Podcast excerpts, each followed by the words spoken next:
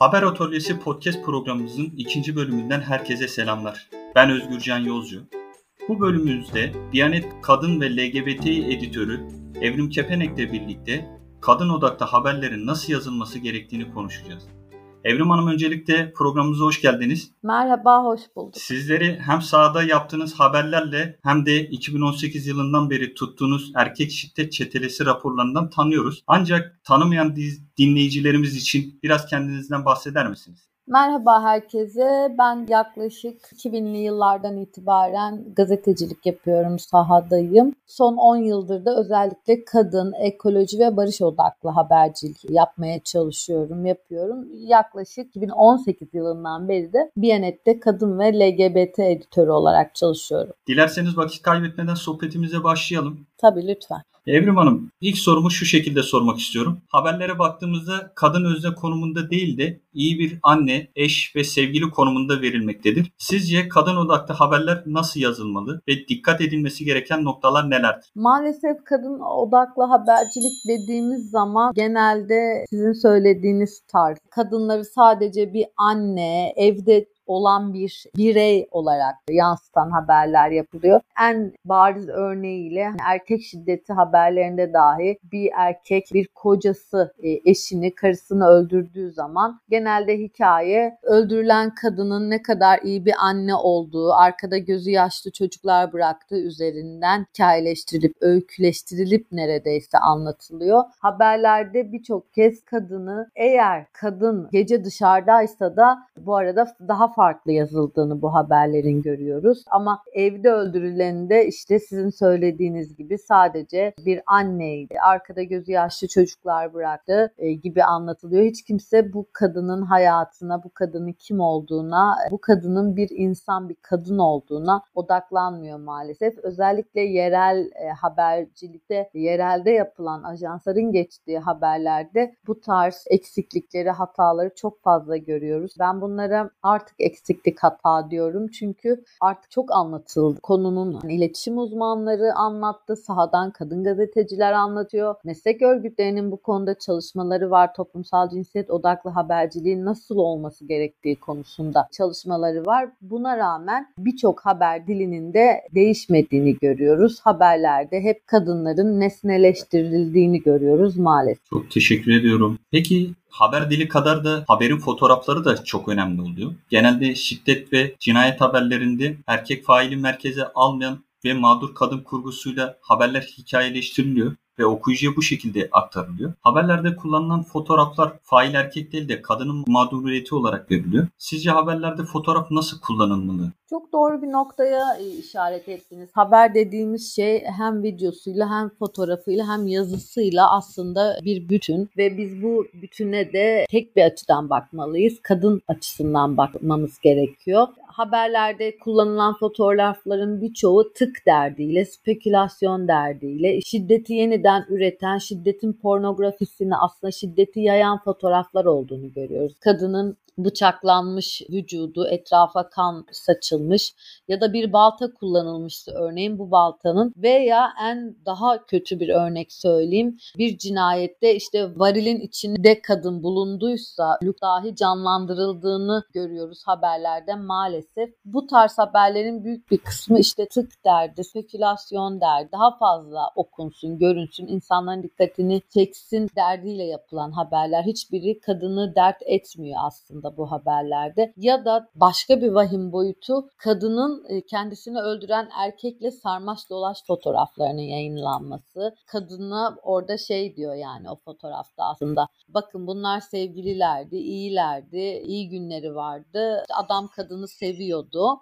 Bunu en çok yıllar önce e, öldürülen Münevver Karabulut cinayetidir bunun en bariz örneklerinden biri. Onun fotoğraflarında görmüştük. Son dönemde ayrı ayrı yerlerde dahi olsa bir arada fotoğrafları olmasa dahi bulamasalar dahi bu sefer de bunu e, geçtiğimiz aylarda Habertürk yapmıştı. Kadını kendisini öldüren erkeğin neredeyse kucağına oturmuş şekilde bir kolaj yapmışlardı. Hani bu e, artık habercilik değil bu insanlık tesi bir şey. Hani haberciliğin de evet kuralları var tabii ki ama artık bunu bile aşmışlar neredeyse. Böyle bu da yine orada bir mesaj veriyor. Yani orada da diyor ki kadın burada kendi ayağıyla gitti, öldürüldü diyor haberin kurgusunda ve fotoğrafını da buna göre kolaj yaptıklarını görüyoruz. Fotoğraflarla birlikte yeniden şiddeti üretiyorlar, meşrulaştırıyorlar ve erkeği yani failin de tamamen arka planda kaldığını görüyoruz foto fotoğraflarda çoğu fotoğrafta, çoğu haberde e, fotoğrafta erkeği görmek yerine zaten kadının hemen ilk elden Facebook'tan ya da herhangi bir sosyal medya hesabından alınmış fotoğrafını kullanıyorlar ki bu hem habercilik açısından hem hukuken aslında uygun bir şey değil, uygun doğru bir yaklaşım değil. Çünkü hiç kimsenin fotoğrafını kendisinin izni olmadan alıp sosyal medya hesabından kullanamayız.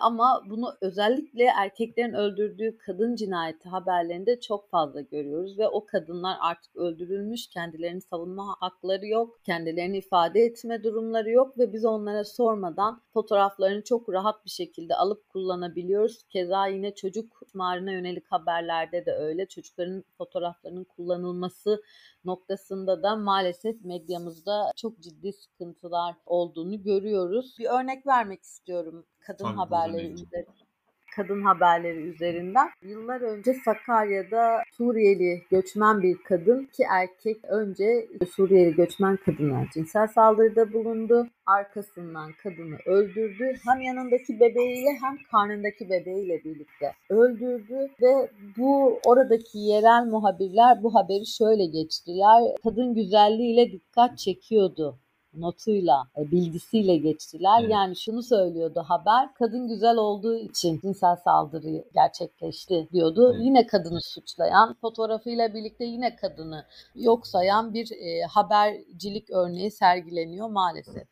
Evet çok haklısın. Bu dönemlerde biliyorsunuz Bergen filmi de çok gündem oldu. Kanal D'nin ikinci sayfa magazin programında da hani Bergen'in faili cinayeti oluşturan kişi canlı yayına bağlanarak ölümünün nasıl organize edildiğini canlı yayında kitlelere anlattı. Ciddi anlamda etik ihlaller artık çok fazla olmaya başlıyor. Biliyorsunuz o fail 3 yıl cezaevinde yattı sadece. Evet. Yani o fail dışarıda olduğu sürece aslında hiçbir kadın güvende değil. Çünkü hem cesaretlendiriyor başka erkekleri çünkü çok somut bir örnek. Gitmiş bir kadını öldürmüş ve bunu çok rahat bir şekilde artık anlatabiliyor. Cinayeti nasıl işlediğini bile anlatabilen bir erkek dışarıdayken şiddete meyilli başka erkeklere bunu yapma demenizin hiçbir anlamı yok. Kadınları öldürme demenizin hiçbir anlamı yok. Ceza alırsın diyemiyorsun çünkü.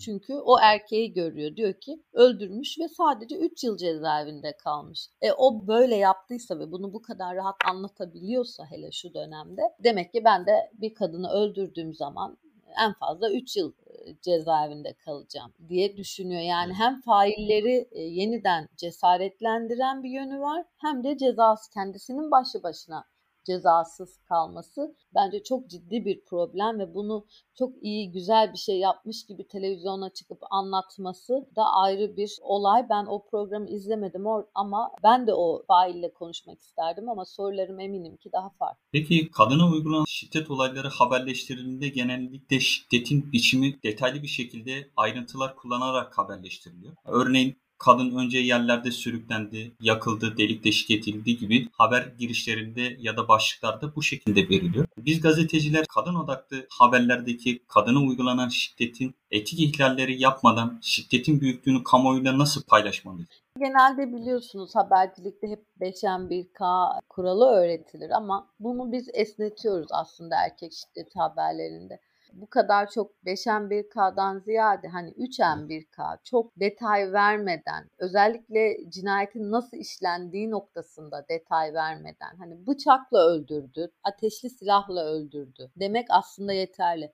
Ama bu ateşli silahı gitti internet sitesinden, şu internet sitesinden sipariş etti, şu kadar ücret ödedi, kapısına kadar geldi silah gibi böyle detaylar anlattığımız zaman hem başkalarına yol yöntem öğretmiş oluyoruz maalesef maalesef hem de meşrulaştırıyoruz aslında fark etmeden. Çok sıradanlaşıyor, çok sembolik hale geliyor bazı cinayetler. Özellikle Mesela yine son dönemde olan samuray kılıçlı cinayet böyle işlendi hep e, medyada. E, ben eminim ki önümüzdeki dönemlerde bu tarz benzer cinayetleri göreceğiz. Çünkü bu sembol hale getirildi, insanların kafasına kazıldı ve bir cinayet aracına dönüştü artık bu samuray kılıçları.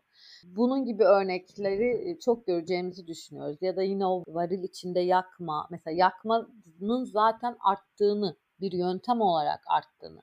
Hani önceden 3 yıl önceye baktığımız zaman şiddet türlerinde genelde işte ateşli silahla öldürme, bıçakla kesme, boğarak öldürme görüyorduk. Ama son dönemde artan iki yöntem var. Biri şüpheli ölümlerde bu balkondan atma, plazalardan düşerek ölen kadın sayısının artması, bir diğeri de maalesef yakarak öldürmelerin artması. Bunun tamamen haberlerde verilen detaylarla çok ilgisi olduğunu düşünüyorum. Birbirini çok tetikliyor ve birbirinden çok esinleniyor maalesef şiddet failleri bu konularda. Düşünsenize yani kadının evine molotof atan erkekler var e, ya da kadın içindeyken e, çocuk kendi çocuğu da içindeyken yine evi yakan e, erkekler var. Şiddetin bu kadar normalleştirilmesi, bu kadar meşruymuş gibi anlatılması sanıyorum diğer erkekleri de harekete geçiriyor bu konularda. Katkılarınızdan kaynaklı çok teşekkür ederim. Programımızı yavaştan kapatacağız. Son olarak gazetecilik mesleğini sürdüren ya da gazetecilik eğitimi alan öğrenci arkadaşlarımıza son olarak söylemek istediğiniz şeyler var mı? Tabii genelde bu soruyu bana sorduklarında yeni mesleğe başlayacak olan yeni gazeteciler hani nereden başlayalım, nasıl yapalım yönünde sorular geldiğinde İlk tavsiyem şu oluyor. Her zaman ne olursa olsun hiçbir medyayı ayırt etmeden çalışmanız. Bu meslek yaparak öğrenilen bir meslek. Evet okullar çok kıymetli. İletişim fakültelerinde çok iyi bakış açıları öğretiliyor kuramlar öğretiliyor, teori öğretiliyor ama şu bir gerçek bu habercilik sahada öğrenilen bir şey ve hiçbir kurum ayırt etmeden e, çalışmanız. Yani işte ben muhalif yerde çalışırım, ben ana akımda çalışırım, ben iktidar yanlısı yerde çalışırım gibi bakmadan aslında her yerde çalışıp kendinize uygun olan medya kurumunu ve gazetecilik tarzını bulabilirsiniz ve kendi gazetecilik tarzınızı da e, oluşturabilirsiniz. E, birilerini kopya etmek yerine aslında kendi vizyonunuzu da katarak gazeteciliğinizi ortaya koyabilirsiniz. Yani öyle bir noktaya gelirsiniz ki bir gün e, isminiz o haberde yazmasa bile o haberi okuyan bir kişi bunu işte Özgür yazmış diyebilir ya da işte Ahmet yazmış, Emine yazmış diyebilir. Öyle bir habercilik üslubu tarzı kendinize oluşturmuş olabilirsiniz ve bunun yanında da her zaman çok fazla haber okuyun, her yerden haberi okuyun diye ikinci bir önerim de budur. Çok teşekkür ederim. Haber Atölyesi podcast programımızın ikinci bölümünün sonuna geldik. Bizleri dinleyen, dayanışma gösteren herkese çok teşekkür ediyorum. Üçüncü bölümümüzde görüşmek dileğiyle dayanışmayla.